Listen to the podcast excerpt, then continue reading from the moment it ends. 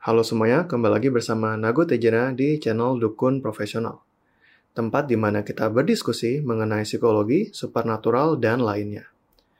Nah, di episode kali ini kita kedatangan bintang tamu yaitu Dewa Udayana atau akrab disapa dengan nama Ude. Ude adalah teman S1 ku dulu dan kini dia adalah seorang psikolog klinis yang aktif di berbagai komunitas di Indonesia. Dan pada khotbah dukun kali ini kita akan ngobrol soal kesadaran kesehatan mental di Indonesia.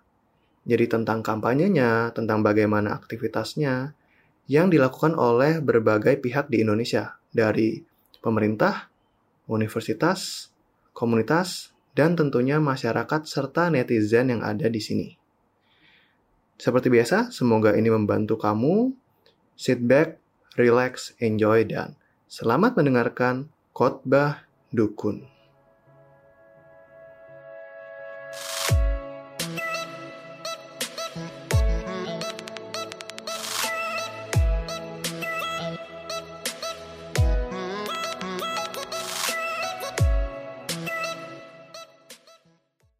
Baik, kita di sini sudah bersama Bapak Dewa Udayana. Selamat datang Bapak Dewa. Selamat datang di Perception. Oh bukan. Oh, udah baru nih, udah baru deh, udah dukun profesional deh. Mantap. Oke oke.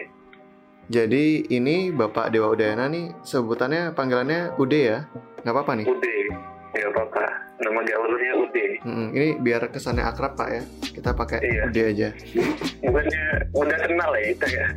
Ini ini interaksi kita pertama sebagai sesama psikolog ini ya atau Oh, oh benar benar. Sebagai sesama kita profesional. Oh. Wah. sekarang nih kontennya konten profesional deh, udah nggak boleh main-main nih. Oke oke. Berarti saya harus berubah jadi psikolog dulu ya. Tadinya apa? Terakhir jelata yang banyak protes. Sekarang harus bijak karena saya sebagai psikolog di sini. Oke mungkin di awal kamu bisa jelasin em, ceritain dulu tentang dirimu deh. Jadi siapa itu Dewa Udayana, backgroundnya, aktivitasnya. Oke, nama saya Dewa Udayana. Saya seorang psikolog dengan peminatan klinis. Eh, sekarang saya eh, beberapa asosiat di Surabaya di salah satu biro. Di situ sama asosiat di salah satu platform online aplikasi Mhm. tentang konseling kayak gitu. Sisanya tidak ada, hanya freelancer biasa. Oke, tukang ngasong ya? Iya, tukang mesong. Karena oh ya satu lagi, saya adalah seorang volunteer di berbagai macam organisasi kesehatan mental di Surabaya dan Bali. Oke. keren kan? Oke. Jadi Bapak Ude ini ngomongnya dia volunteer, padahal dia nunggu aku mengkoreksi supaya bilang dia itu foundernya gitu. ya boleh, ya boleh. Oh nggak boleh ya? Semua kan semua sama sama-sama volunteer. Tapi kalau diundang baru founder gitu. Nah Ude ini ceritanya dia mau merendah gitu, tapi saya tahu dalam aslinya dia mau disebut sebagai founder gitu. Jadi saya akan sebut dia founder aja selama podcast ini gitu. Oke, tolong di nanti tolong di gambarin di YouTube itu cari foto yang ganteng tulis founder ya. Ya siap. Founder. Padahal kamu juga mukanya di sana ntar. Dia ini sebelah rumahku lagi renovasi, suaranya kedengeran nggak sih di sana? Enggak, enggak. Oh bener ya? Iya, enggak kedengeran kok. Aman, aman. Oke bagus nih. Oke bagus bagus. Hmm. Siap. Oke, sekarang kita jadi karena kamu sudah memperkenalkan diri, sekarang kita mau masuk topik nih langsung nih. Oke. Jadi kita hari ini mau ngomongin mengenai kesadaran kesehatan mental dan khususnya mungkin di Indonesia ya. Jadi kalau yang sepemahaman kan dibandingin di negara-negara lain mungkin ilmu psikologi ini atau kesehatan mental secara umum ini suatu hal yang masih baru di Indonesia ya. Dan juga usianya mungkin masih belum setua ilmu-ilmu lain yang ada di Indonesia gitu. Nah, oleh karena itu sekarang nih aku lihat lagi gembor-gembornya promosi mengenai kesehatan mental atau atau raising awareness tentang kesehatan mental. Bahkan bukan cuma di um, apa ya sektor-sektor ataupun institusi yang memang fokus ke sana tapi secara masyarakat pun banyak anak muda yang suka mempromosiin meskipun pekerjaan mereka misalkan nggak begitu psikologi ya. Iya nggak berhubungan langsung gitu. Tapi ya, intinya adalah awarenessnya tuh atau kesadaran itu sudah mulai meningkat gitu. Nah mungkin kita mau mulai podcast ini dengan mungkin tingkat kesadaran kesehatan mental di Indonesia atau apa yang kamu tangkap selama ini kamu beraktivitas gitu? Kalau ini dilihat ya maksudnya kalau kita lihat kesehatan mental di Indonesia uh, menurutku untuk saat ini untuk saat ini ya belakangan ini sekitar setahun dua tahun ke belakang udah mulai banyak anak muda yang aware kesehatan mental. Tapi emang kalau khususnya yang udah dewasa ke atas uh, kayaknya mereka lebih banyak berpikir pada fisiknya dulu. Mhm. nggak ke nggak ke apa ke permasalahan mentalnya mereka. Tapi kalau yang untuk anak muda udah mulai aware. Hmm. nah untuk beberapa daerah emang uh, tidak semua istilahnya penyebaran psikolog di Indonesia ini kan uh, psikolog di Indonesia jumlahnya sangat sedikit. Cuman sekitar 2000 atau 3 ribuan lebih lah kira-kira.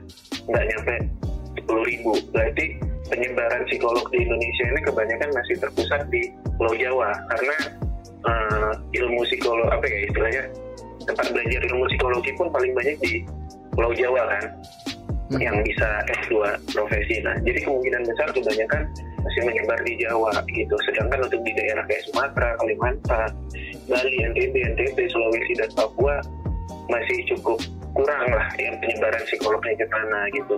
Jadi bisa dibilang bahwa eh, amat sangat kurang sih kalau di luar Jawa menurut saya karena masih proporsinya tidak sesuai gitu. Walaupun pemerintah sudah sering apa ya misalnya ada bukaan apa ya bukaan psikolog cari psikolog gitu.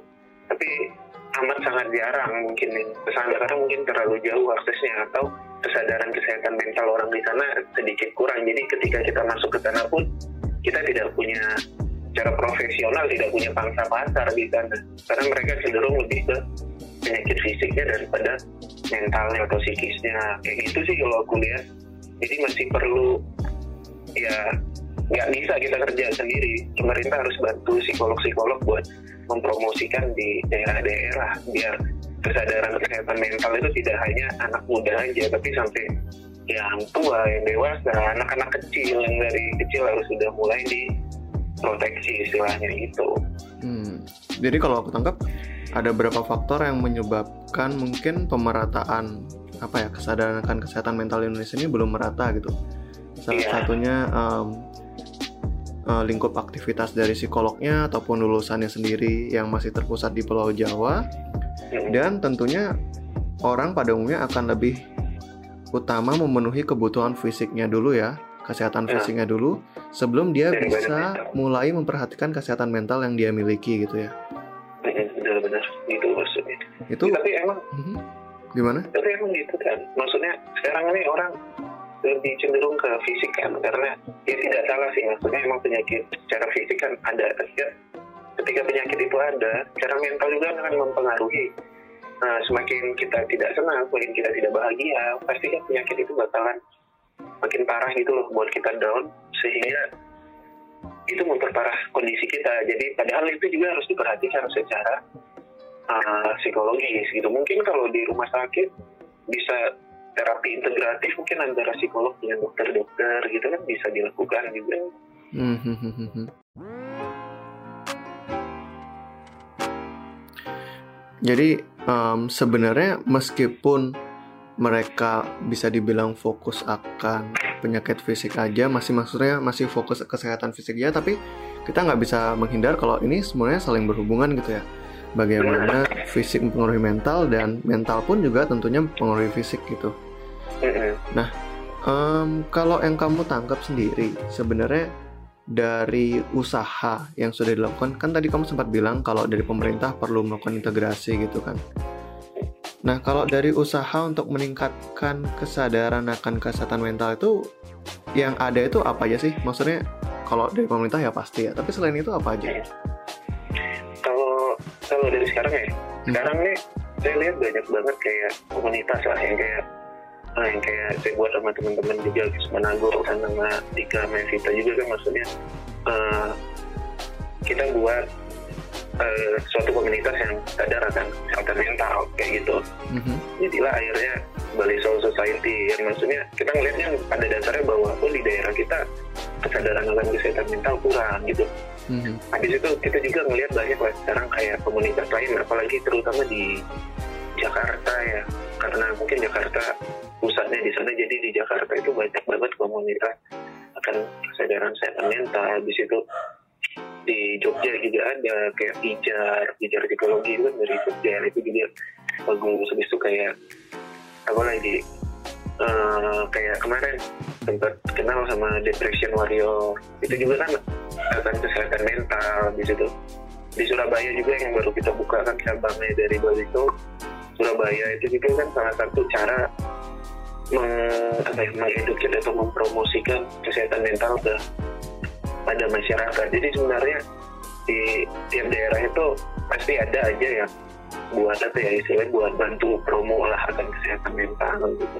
Karena ya kita nggak bisa kerja tanpa dukungan pemerintah. Pemerintah juga fasilitasnya yang udah mereka siapkan tidak akan tersentuh kalau kita tidak membantu mempromosikan juga gitu. Hmm, jadi bisa dibilang komunitas ini dia bisa menjangkau hal-hal yang mungkin sebelumnya nggak bisa dijangkau dengan label pemerintahan gitu kali ya. Hmm, contoh sederhananya gini aja deh, uh, kayak di Surabaya. Di Surabaya itu menurutku fasilitas kesehatan mental yang disediakan oleh pemerintah Surabaya itu udah oke okay banget lah. Nah, kayak hampir di setiap puskesmas di Surabaya itu ada psikologi Hmm. Berarti kan puskesmas itu kan garda terdepan kesehatan di daerah lah. Nah, hampir semua puskesmas sudah ada psikologi. Nah, tapi orang itu tidak tahu, maksudnya kayak psikologi itu saya ngapain ke sana. Nah, itu kan tugasnya kita. Jadi ketika kita ngadain konsultasi gratis, kita selalu ngoper bahwa di Surabaya ada puskesmasnya, ada psikolog. Silahkan datang ke sana kalau ingin melakukan uh, konseling uh, atau terapi atau apa itu yang kita selalu kasih tahu bahkan kalau nggak salah aku kemarin dengar uh, layanan emergensinya Surabaya satu satu duanya Surabaya di sana itu ada psikolog juga yang standby oh. jadi kayak misalnya ada orang yang tiba-tiba mempunyai pikiran kayak suicide talk atau eh lah tentang galau itu bisa nelpon ke sana satu satu duanya karena disediakan psikolog sama pemerintah Surabaya. Berarti kan pemerintah Surabaya ini sudah amat aware dengan kesehatan mental, tapi tinggal bagaimana kita membantu mereka buat mempromokan bahwa ini loh pemerintah Surabaya punya ini, ini, ini, ini. Jadi ketika kalian butuh akan itu, kalian bisa hubungi mereka gitu. Jadi kita tidak pernah merefer uh, itu ke praktek pribadi kita.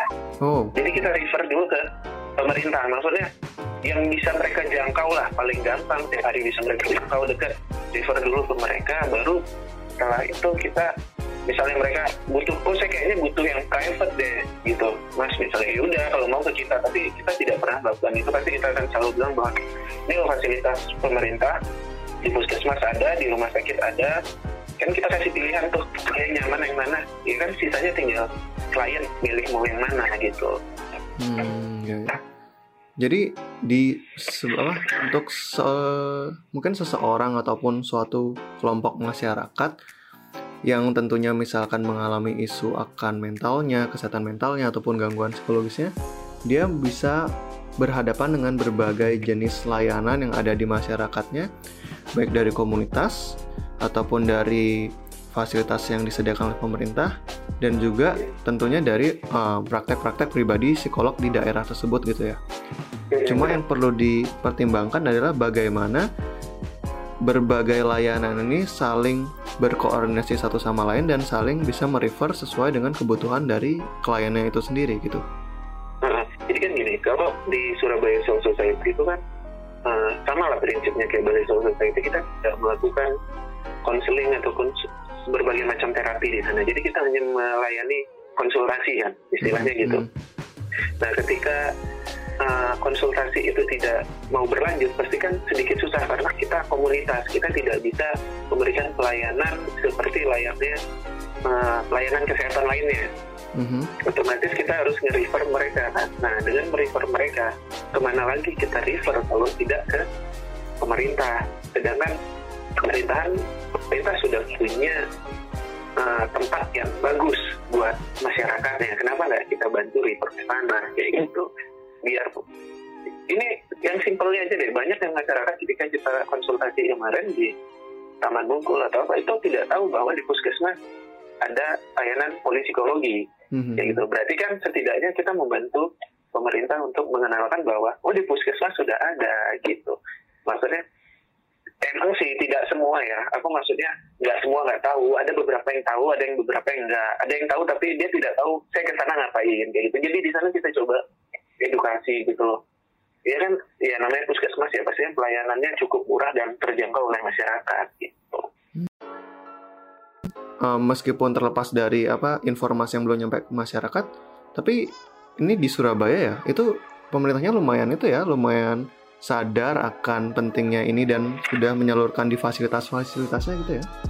Uh, iya, iya sih, nggak ngerti juga. Tapi bagus banget sih pas aku nyampe Surabaya dan tahu akan hal itu aja kayak, wow sih luar biasa sih, maksudnya pemerintahnya sampai segininya gitu loh aku yang kaget itu yang satu satu dua ada psikolognya itu mm-hmm. wow ini ini bagus banget sih maksudnya mungkin orang ngerasa itu nggak penting ya tapi pemerintah itu menyadari bahwa pasti apa pun itu secara psikologis pun butuh bantuan pertolongan pertama gitu loh. Jadi mm-hmm. diadakan di satu satu dua gitu kayak wah luar biasa luar biasa. Makanya aku selalu selalu sama pemerintah kota Surabaya. Bukan mau bagusin ya tapi secara kesehatan mental ya bagus banget lah gitu dibandingin daerah-daerah yang lain gitu. Mm-hmm. walaupun aku cuma tahu beberapa daerah ya gitu.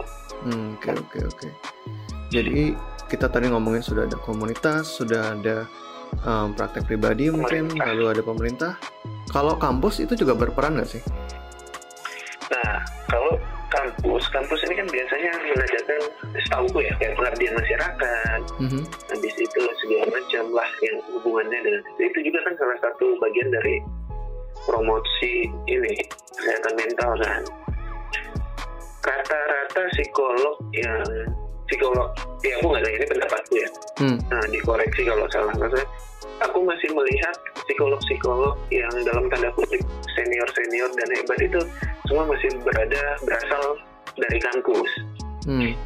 bukan dari kayak apa ya kayak praktek pribadi atau apa. Pasti kalau kita telusuri lagi dia dulu dosen di universitas ini dosen di sini udah pensiun. Jadi kayak mau tidak mau kampus masih jadi uh, tempat psikolog-psikolog untuk menggencarkan promosi kesehatan mental gitu walaupun hmm. dengan cara yang berbeda kalau menurutku mereka dengan pengertian masyarakatnya hmm. atau dengan tapi kalau di itu kayak UKM lah ada kayak UKM-nya di fakultas yang bentuk ngadain acara tentang promosi kesehatan mental kan ada yang kayak gitu hmm, hmm, hmm, hmm. jadi um, mungkin ya kayak kamu bilang tadi beberapa psikolog yang mungkin istilahnya mungkin yang beken itu yang sebenarnya atau mungkin yang secara keilmuan sering dia satu yang dari kampus gitu ya Cuma iya. tentunya kayak mereka disibukkan dengan berbagai birokrasi kampus dan lainnya.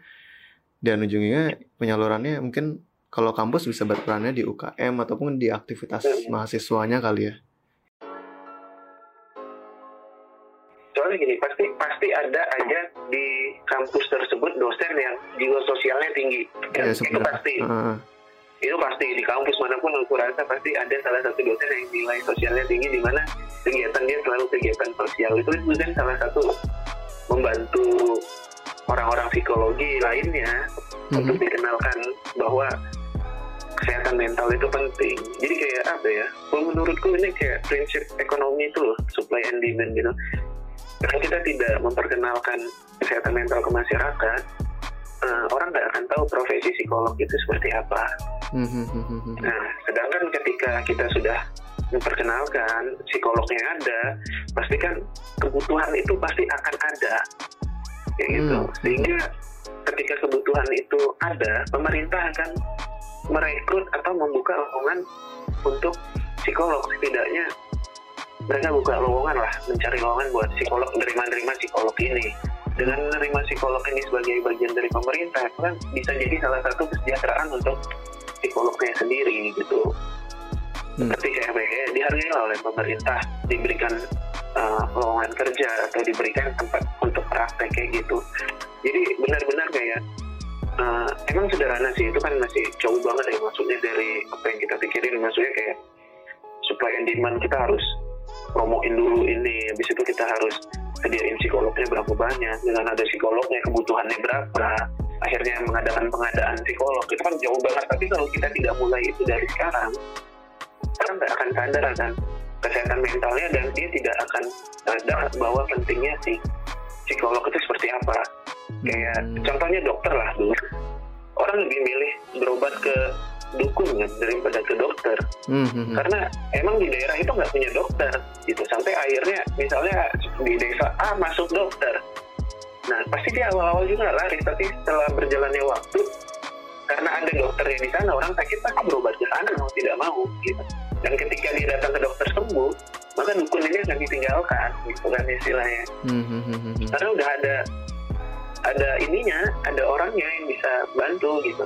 Tapi kalau kita tidak mengenalkan dengan kayak gitu kita nggak akan dilihat masyarakat gitu jadi kita harus mengenal itu dan menunjukkan itu bahwa ini loh psikolog tugasnya kayak gini kayak gitu jadi kamu sebenarnya itu butuh psikolog tapi Hmm, hmm, di pemerintah nggak ada. Nah, dengan kamu ada kebutuhan kayak gini, semoga pemerintah peka akan itu. Jadi pemerintah bisa buka lowongan psikolog sebanyak-banyaknya kayak gitu. Hmm. Jadi itu juga menguntungkan buat psikolognya sendiri gitu loh. Jadi kayak di hukum supply and demand tuh kita nggak mesti nunggu supaya ada demand yang ada lalu kita mensupply dengan tenaga gitu ya. Tapi dengan ada psikolognya sendiri pun itu sudah mu- mulai bisa meningkatkan demand ataupun meningkatkan kesadaran dari masyarakat. Oh, kalau selama ini kamu butuh loh psikolog sebenarnya gitu loh. Dan itu akhirnya bisa saling bersinergi. Ujung-ujungnya ya itu juga membantu untuk pengadaan banyak tenaga kesehatan mental lagi di tempat tersebut gitu ya. Nah, benar. Habis itu ini juga bisa nyasar ke pendidikan sih gue sebenarnya. Kalau di misalnya, misalnya di Jawa sudah banyak, di Jawa banyak banget yang S1 dan S2 psikologi. Hmm. Sedangkan di luar Jawa itu masih kebanyakan S1 psikologi. Nah, dengan melihat ada kebutuhan di masyarakat, berarti kan sarana pendidikan profesi psikologi itu akan dibuka hampir, kalau bisa hampir di setiap provinsi. Hmm, hmm. Kalau di hampir setiap provinsi dibuka, berarti kan uh, ada begitu tamat, berarti kan ada kebutuhan di daerah akan psikolog tersebut. Hmm. Ya, karena tidak semua daerah ada psikolognya kan gitu jadi kayak eh ada tapi maksudnya eh, pendidikan profesi psikologi tidak di semua daerah ada gitu dan masih terpusat di Jawa Hmm. makanya ketika ada misalnya di tiap provinsi ada program S2 psikologi profesi pasti psikolog bakalan dicari kok maksudnya kayak setiap open locker Ya, itu ya. open locker itu pasti bakal dicari psikolog. Jadi setidaknya itu salah satu dampak jangka panjangnya nanti ketika kita mempromosikan kesehatan mental gitu. Ketika orang butuh, pemerintah akan sadar bahwa gimana caranya ngebuat ada psikolog orang lokal yang ada di sana mau tidak mau pemerintah harus membuka universitas harus membuka profesi psikologi. Contoh lah aku dari Lampung. Di Lampung itu belum ada S2 psikologi profesi, tapi kalau S1-nya ada banyak gitu. Hmm. Nah, sedangkan S1 psikologi kan terbatas akan kode etik atau ruang lingkupnya dia. Nah, kalau di sana udah ada S2 psikologi profesi di Lampung, otomatis akan banyak psikolog baru di Lampung yang akan bisa membantu masyarakat Lampung lebih baik lagi secara psikologis kan gitu istilahnya. Hmm, hmm, hmm, hmm. Nah, tapi kan untuk saat ini belum mungkin karena dilihat kebutuhannya belum ke sana kali. Tapi kan suatu saat nanti pasti mau tidak mau di sana pasti akan buka psikologi profesi ketika udah buka sana berarti kan promosi akan kesehatan mental jauh lebih besar karena psikolognya jauh lebih banyak kayak gitu. Hmm, ya, ya, ya. Jadi em, kalau dari universitas sendiri atau dari pendidikan sendiri dengan membuka prodi-prodi psikologi mungkin S1 dan terutama S2 akan membantu peningkatan kesadaran di mungkin lingkup Masyarakat. sekitarnya akan pentingnya ilmu psikologi gitu ya. Benar. Ya juga aku juga ngerasa kalau di Bali apa kita waktu baru buka S1 pun masyarakat tuh baru mulai ngeh dengan kata psikologi dan lainnya gitu nggak sih? sebelumnya tuh kayak itu suatu hal yang masih apa ya masih dalam di ranah teoritis dan belum mereka benar-benar terapkan gitu. Sekarang sih belum banyak ya di Bali kayak ada seminar-seminar atau talk show yang ngomongin tentang yeah. kesehatan mental tapi aku ngerasa dengan semakin lama nanti mungkin semakin banyak apa ya mungkin organisasi-organisasi independen itu juga sudah mulai sadar dan banyak gerakan-gerakan kesehatan mental lainnya di Bali juga gitu ya sama kayak ini tuh yang kayak waktu kita ngadain konsultasi gratis di Renon hmm. karena yang sebelah kita itu kan pengobatan tradisional yang bisa menghilangkan stres, depresi dengan hal-hal ya. transfer energi itu ya. Kita, transfer energi gitu ya. Lah, waktu kita buka stand kan stand kita kosong tuh. Uh, Ketika mereka tutup baru stand kita ramai kan. Hmm, hmm. Itu, itu saja kan sudah menandakan bahwa orang masih percaya yang instan.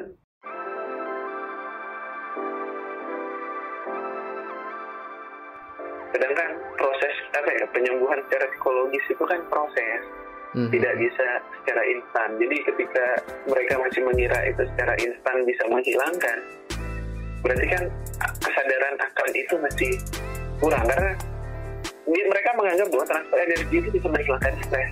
Stres terhadap apanya dulu? Masalahnya, masalah dia terhadap stresnya itu pasti gitu, hmm. nggak bisa hilang. Nah, sedangkan kalau di psikologi kan bukan menghilangkan pada saat ini saja, tapi maksudnya kalau bisa sampai akar masalahnya stresnya itu dia nemuin solusi terbaiknya dia kan gitu. Yeah, yeah, yeah. saya itu bedanya. Jadi kan masih percaya akan hal instan itu sih maksudnya hmm. yang perlu diedukasi lagi. Hmm. hmm, hmm, hmm. Ya. Dan kalau aku pahami juga kayak selama ini kan kita anggaplah kita nih um, yang cukup aktif dari luar Pulau Jawa gitu misalkan ya. Hmm. Selama ini kita cuma berfokus berfokus di Jawa, tapi kadang kita nggak sadar kalau banyak kok di daerah kita tuh orang-orang tuh sudah mulai mikirnya kayak kita gitu loh. Oh di daerahku aku harus mulai ningkatin kesadaran kesehatan mental ini gitu. Daerahku udah mulai kayak gini gitu.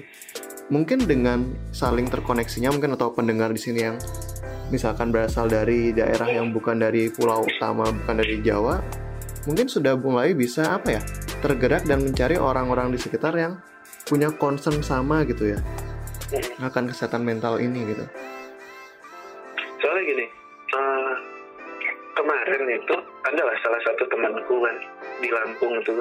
Dia sempat konsultasi sama aku itu dia bilang dia kenapa nggak buka di Lampung? Gitu. Hmm. mau sih buka di Lampung tapi maksudnya kayak kayak buat buka komunitas gitu loh. Jadi kayak Lampung Soul Society misalnya mau buka di Lampung? Tapi ya uh, aku butuh kenal orang psikologi dulu yang ada di sana gitu. Sedangkan aku sama sekali tidak ada yang kenal karena S1 di Bali, S2 di Surabaya. Otomatis yang banyak kenal adalah orang Surabaya dan di Bali kan psikolognya. Hmm. sedangkan rekan-rekan psikolog dari sana aku belum kenal. Jadi kan harus kenal dulu untuk uh -huh. untuk prospek lah istilahnya kayak gitu. Sedangkan menurut temanku yang dari sana ini bagus banget sih dia kalau lo mau ini buka di Lampung kata dia. Soalnya saya rasa banyak orang yang butuh juga gitu. Ya pasti kebutuhan itu banyak gitu loh tapi masalahnya adalah tinggal kita gimana tahunya aja kan. Gitu mungkin orang kayak kayak temanku itu kalau nggak aku bilang ya udah kamu coba ke psikolog ini. Awalnya dia ragu juga buat ke psikolog gitu. Hmm? tapi uh -uh, tapi karena aku bilang kalau sama aku nggak bisa via online gitu via telepon itu nggak bisa ini apa ya bisa tapi maksudnya tidak secara intens lah harus ketemu. Mm -hmm. untuk tatap muka biar lebih bagus gitu kan akhirnya dia mutusin buat ke psikolog dan ya syukurnya setelah dia ke psikolog dia telepon lagi. Dia ngerasa lebih baik. Berarti kan benar-benar bahwa mm. kebutuhan itu ada tapi dia ragu gitu loh. Saya nggak tahu harus ke mana apakah saya harus ke sini harus ke sini gitu. Hmm. mau ke psikolog atau ke praktek pribadi atau ke rumah sakit atau ke apa gitu karena masih bingung kan dia hmm. itu maksudnya adalah yang ingin jelasin adalah uh, edukasinya apa ya pengenalan orang terhadap profesi psikolog itu kan berarti belum tahu banget gitu loh ya, ya, ya. jadi misalnya kayak gini lah kamu sakit gigi kamu udah tahu ke dokter gigi gitu loh hmm. kamu sakit kepala sakit batuk pilek kamu udah tahu harus ke dokter umum gitu. tapi ketika kamu ngerasa bahwa kamu stres, kamu ngerasa tertekan, tidak bahagia, kamu nggak tahu kamu mau ke mana gitu loh. Hmm.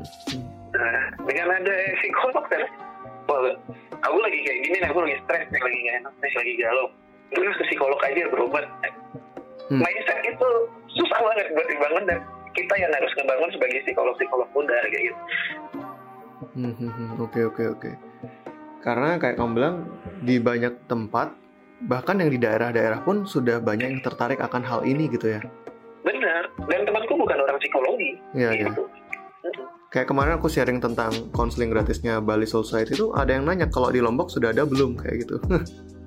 wah ini tuh di apa di kan Surabaya Soul Society ini kan paling sering minta bantuan Tijar ya buat Iya, jadi media partner. Mhm. dan Tijar sangat open sekali. Terima kasih Tijar psikologi.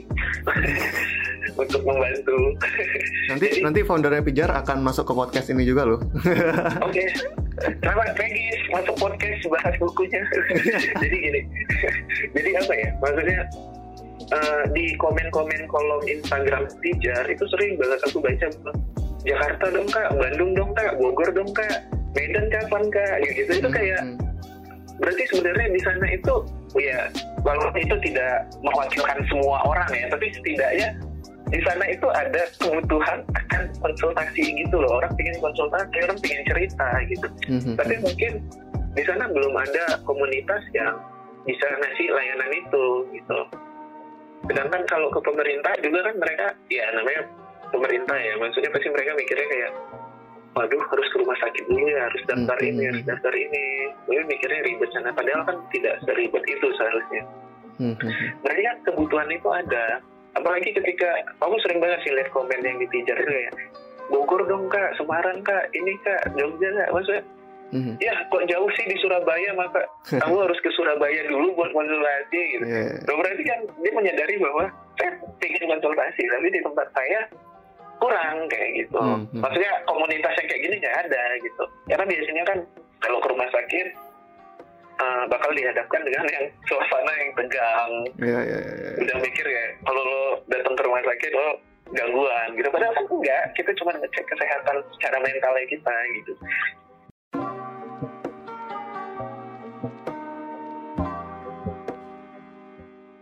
Kalau aku tangkap nih dari tadi nih, kan kita ngomongin ada komunitas, lalu ada tentunya praktek pribadi tenaga psikolog di daerah masing-masing, di universitas, di pemerintahan juga. Tapi kayak fenomena terakhir yang kita bahas ini yang tentang misalkan di kolom pijarnya itu ada orang yang nanya, itu kalau aku perhatiin banyak juga kayak komunitas ini aktif untuk membuat konten digital juga ya yang membantu untuk meningkatkan awareness gitu kan ya. Iya. Di pijar itu kan cukup aktif buat konten. Iya, jujur artikelnya itu aku sering baca Hmm. dan nah, jujur aku ngerasa kadang terbantu banget dengan ada konten-konten bacaan kayak gitu loh jadi kayak eh, Pijar itu membahas kontennya itu menurut menurutku ya menurutku dengan sangat sederhana dan orang-orang itu bisa ngerti Hmm. akan hal itu Hmm. sedangkan ada yang membahas konten itu ya benar-benar berat lah sampai saya masukin teori teori Hmm. ini aspek ini dan itu nggak akan masuk di masyarakat gitu sedangkan eh, kalau dari Tijar yang aku baca emang bisa ringan banget gitu loh. Maka terkadang beberapa hal aku ketika konseling orang aku baca dari sana dan itu yang aku gunakan di sama klien terkadang kayak gitu. Hmm. tips-tips yang sederhana kayak gitu yang bisa masuk gitu. Itu kan kita belajar juga sih karena kan belajar nggak harus dari teori atau buku tapi dari pengalaman orang juga kan Hmm. kita bisa pelajarin kayak gitu. Ya, sedangkan itu menurut membantu banget kalau menurut. Hmm, karena kalau aku tangkap, em, memang kan kalau misalkan di pemerintah tuh bagus di em, urusan untuk birokrasi dan penyediaan fasilitas Hmm. secara mendasar. fasilitas Kalau di universitas mereka paling kental dengan teori dan risetnya. Hmm. Tapi kok aku lihat komunitas ini cukup itu ya apa? Aku ngeliat salah satu poin plusnya komunitas ini adalah mereka begitu dekat dengan permasalahan permasalahan masyarakat secara real yang praktis gitu ya. Mereka apa ya? Bisa dibilang mungkin yang tangannya paling dekat dengan masyarakat dan paling paham apa yang bisa dilakukan dalam uh, jangka waktu yang sesingkatnya dan mungkin bisa dibilang praktis gitu ya kalau yang komunitas ini gitu. soalnya ya komunitas itu kayak gimana ya maksudku kayak apa yang nggak bisa dilakuin pemerintah untuk saat ini Mhm. jadi deh pemerintah komunitas ini lakuin sementara dengan harapan nanti si pemerintah yang take over ketika itu gitu loh. tapi coba deh kalau aku kadang mikir gini sih kalau emang udah ini banget uh, pemerintah maksudnya secara Indonesia ya maksudnya udah care banget sama kesehatan mental gitu. Menurutku komunitas-komunitas kayak gini uh, pasti bakalan berkurang kok karena uh, ya ya udah aware pemerintahnya apalagi pelayanan tentang psikologis misalnya udah banyak gitu. Pasti bakalan komunitas ini bakalan banyak yang berkurang karena ya lagi ada komunitas ya kalau pemerintah sudah sangat aware akan hal itu misalnya kan gitu. Nah tapi kan sampai saat ini kan memang komunitas ini pasti muncul gara-gara mereka ngerasa bahwa kurang awarenya pemerintah terhadap hal itu itu pasti.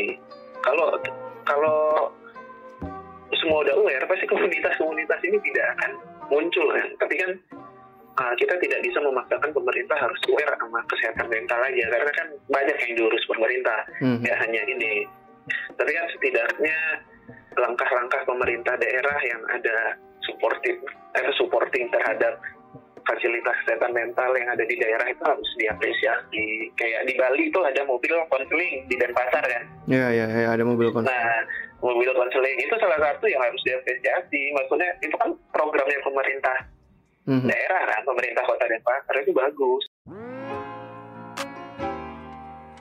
Tapi pemerintah juga udah mulai loh. Kalau kamu tahu konselor sebaya, Ya, ya, ya. Nah, yang dilakuin di SMP itu kan seluruh Indonesia tuh, konselor mm-hmm. sebaya. Mm-hmm. Nah, itu sebenarnya salah satu uh, ininya pemerintah buat promosi kesehatan mental di remaja kan gitu. Mm-hmm. Nah, tapi kan tinggal tinggal uh, evaluasinya ke depan apa sih ini jadinya gitu. Itu maksudku kayak aku belum baca atau belum lihat, belum cari soal uh, efektif nggak sih sebenarnya konselor sebaya itu? Atau hanya program saja? Atau apa gitu? Uh, uh, aku, itu yang aku belum cari tahu. Aku sejauh ini kan maksudnya mengamati kampanye dan apa peningkatan raising awareness kesadaran kesehatan mental di Indonesia gitu kan. Ya namanya jujur sebagai uh, orang yang berperan di bidang psikologi aku dan teman-temanku kadang-kadang kan mungkin mengkritik tentang tidak tepat sasarannya ataupun yang mana yang lebih efektif dan lainnya gitu. Tapi satu sisi aku juga ngerasa kayak ya udahlah sementara nih hajar-hajar aja dulu gitu. Kita kan masih meraba-raba untuk istilahnya paling nggak orang tahu loh tentang ini gitu. Orang masih apa bisa mulai mengenal loh tentang ini gitu. Asal ini sudah paling mencapai paling nggak satu atau dua tujuan utama masalah evaluasi yang lain ya ya udahlah mungkin hajar-hajar dulu aja kali ya. Kalau menurutmu gimana? Gitu benar menurutku kayak ya udah kita apa ya istilahnya kita berjuang menurut jalan kita aja dulu bu kayak gitu misalnya gini kita dengan komunitas kita Bali Soul Society atau Surabaya Soul Society itu kita berjuang dengan jalan kita ini maksudnya uh, terus yang lain bisa mungkin berjuang dengan cara lain misalnya kayak aplikasi online yeah. kita kan uh. berjuang dengan sistem aplikasi. Nah, nggak apa-apa itu bantu kita juga. Tapi kita juga di, sini kita dengan cara kita. Cara kita gimana? Cara kita dengan ngadain kayak konseling, eh, konsultasi gratis. Habis itu ngadain opsi kalau di Bali kita ngadain workshop tentang seminar kayak apa kesehatan mental yang kayak, kayak gitu. Itu cara kita berjuang di daerah kita masing-masing buat memperkenalkan. Mm-hmm. Itu jadi kayak kita nggak bisa nuntut pemerintah harus sesuai dengan keinginan nah, kita. Iya, iya. Yang yang bisa kita lakuin adalah lakuin yang terbaik yang bisa kita bisa dong. Yang kita bisa lakuin cuma memberikan konsultasi psikologi gratis. Ya udah kita lakuin itu aja. Nggak usah nuntut aneh-aneh deh sama pemerintah kayak gitu. Mm-hmm. Lakuin yang bisa kita lakuin. Kalau pemerintahnya peka ngelihat akan hal itu, pasti nanti kita dibantu kok sama mereka nggak mungkin nggak mereka nggak bantu kita kayak gitu karena mau nggak mau kita hidup di pemerintahannya mereka otomatis kan mereka pasti nggak bantu masyarakatnya itu bukan orang yang kabur ke luar negeri gitu kan yeah.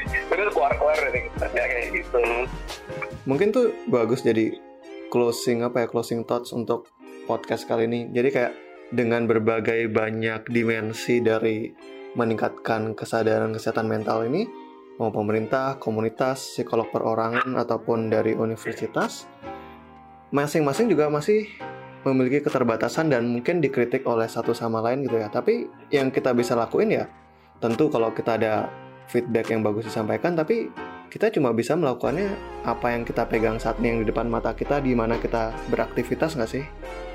Itu yang lakuin, lakuin yang terbaik aja deh yang bisa kita lakukan. itu kita cuma bisa ngelakuin yang terbaik yang kita bisa lakukan ya. Ya dengan kompetensi dan di ranah lingkup kita gitu. Buat apa kita terlalu banyak mikirin pemerintah gitu ya.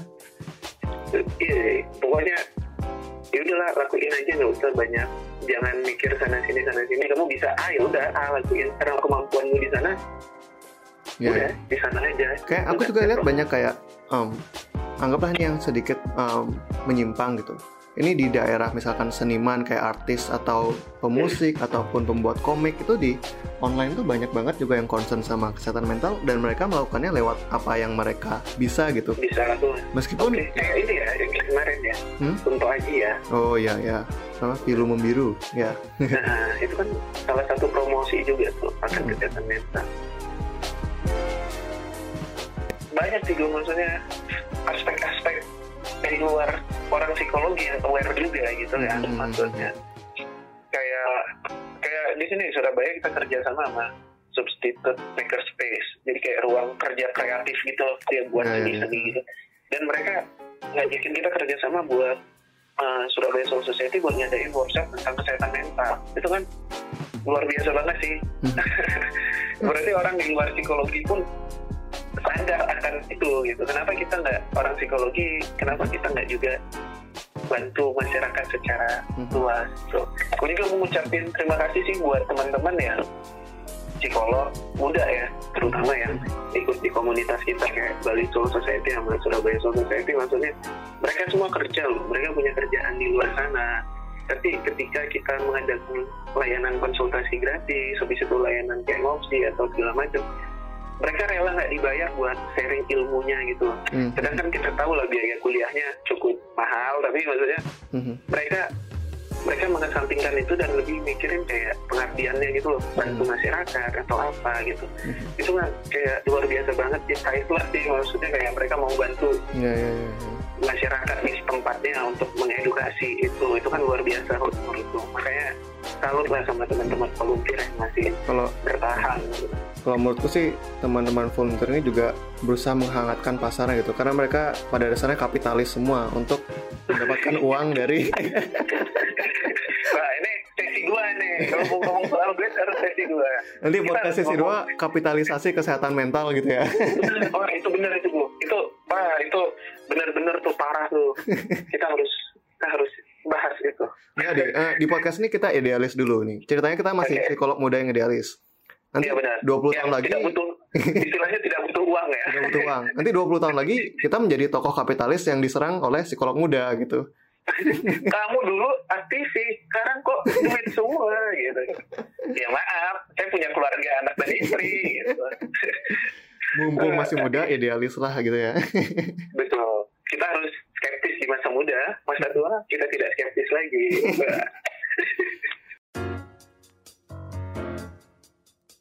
Ini udah sudah 45 menit nih kita ngobrol nih. Oke mungkin oke. closing word deh closing word apa? Soal kesehatan mental ya berarti. Ya apa aja lah yang bisa Oke. dibawa pulang oleh pendengar ini gitu. Oke, jadi kalau yang kalian yang dengerin ini, kalau kalian tidak tahu harus bercerita ke mana, uh, carilah komunitas-komunitas atau platform online kali yang sudah menyediakan tempat cerita. Setidaknya kalian bisa cerita ke sana atau carilah teman kalian yang kalian percaya yang tidak akan membocorkan cerita kalian. Itu ceritalah ke mereka biar kalian tidak terlalu apa ya di sini istilahnya kayak ditahan di hati gitu kan? Jadi nggak enak gitu. Kalian juga bisa lega dengan menceritakan sesuatu kepada orang kayak gitu. Jadi berceritalah pokoknya. Jangan takut untuk cerita. Karena dari langkah kecil bercerita itu punya impact yang besar buat diri kalian ke depannya kayak gitu. Permasalahan-permasalahan psikologis itu muncul karena kalian tidak mau cerita sebenarnya. Jadi mulailah bercerita gitu. jangan takut untuk cerita. Small type bikin baik mulai ini ya respect kita banget gitu. Tolong diterkenalkan respectnya. Nah gue nanti di oh, siap siap Gitu. siap. Apa let's talk share and rise up. Oi. wah itu juga. Wah aturan kita bahas dari Soul Society loh jadi ada satu pertanyaan dari temanku. Soul Society itu diambil dari komik Bleach ya itu rahasia, itu rahasia. Itu rahasia. Ya? Jadi orang orang tidak boleh tahu soal itu. Ini intinya itu. psikolog society akan hadir. Psikolog wibu semua ini ternyata ya.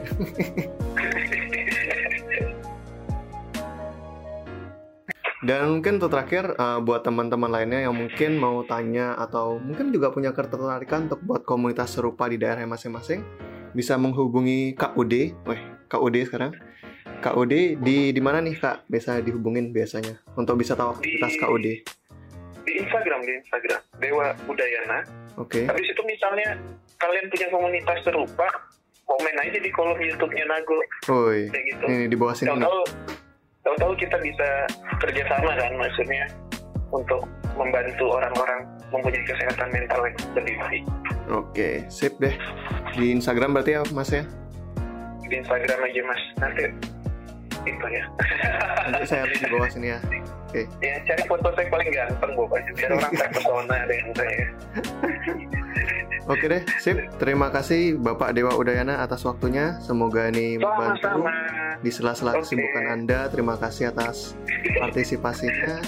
Oke. Okay. Kalau aku tahu kamu lagi tiduran di kamar kos nih sebenarnya, tapi saya saya agak gimana dibilang sibuk ya. Saya ini psikolog muda berbakat sangat gemes-gemes. Maaf ini uh, kata-kata nerusan akan saya potong di podcast saya. Uh. Baik, tidak apa-apa. tidak apa-apa. Oke. Oke, oke. Terima kasih, Dewi. Thank you, Guru. Mm -hmm, thank you. Kamu baru saja selesai mendengarkan salah satu episode dari Khotbah Dukun. Sebelum pergi, jangan lupa untuk cek episode-episode lainnya yang mungkin bisa membantu kamu dalam memahami dunia lebih baik. Nama saya Nago Tijina dan sampai jumpa di khotbah dukun berikutnya.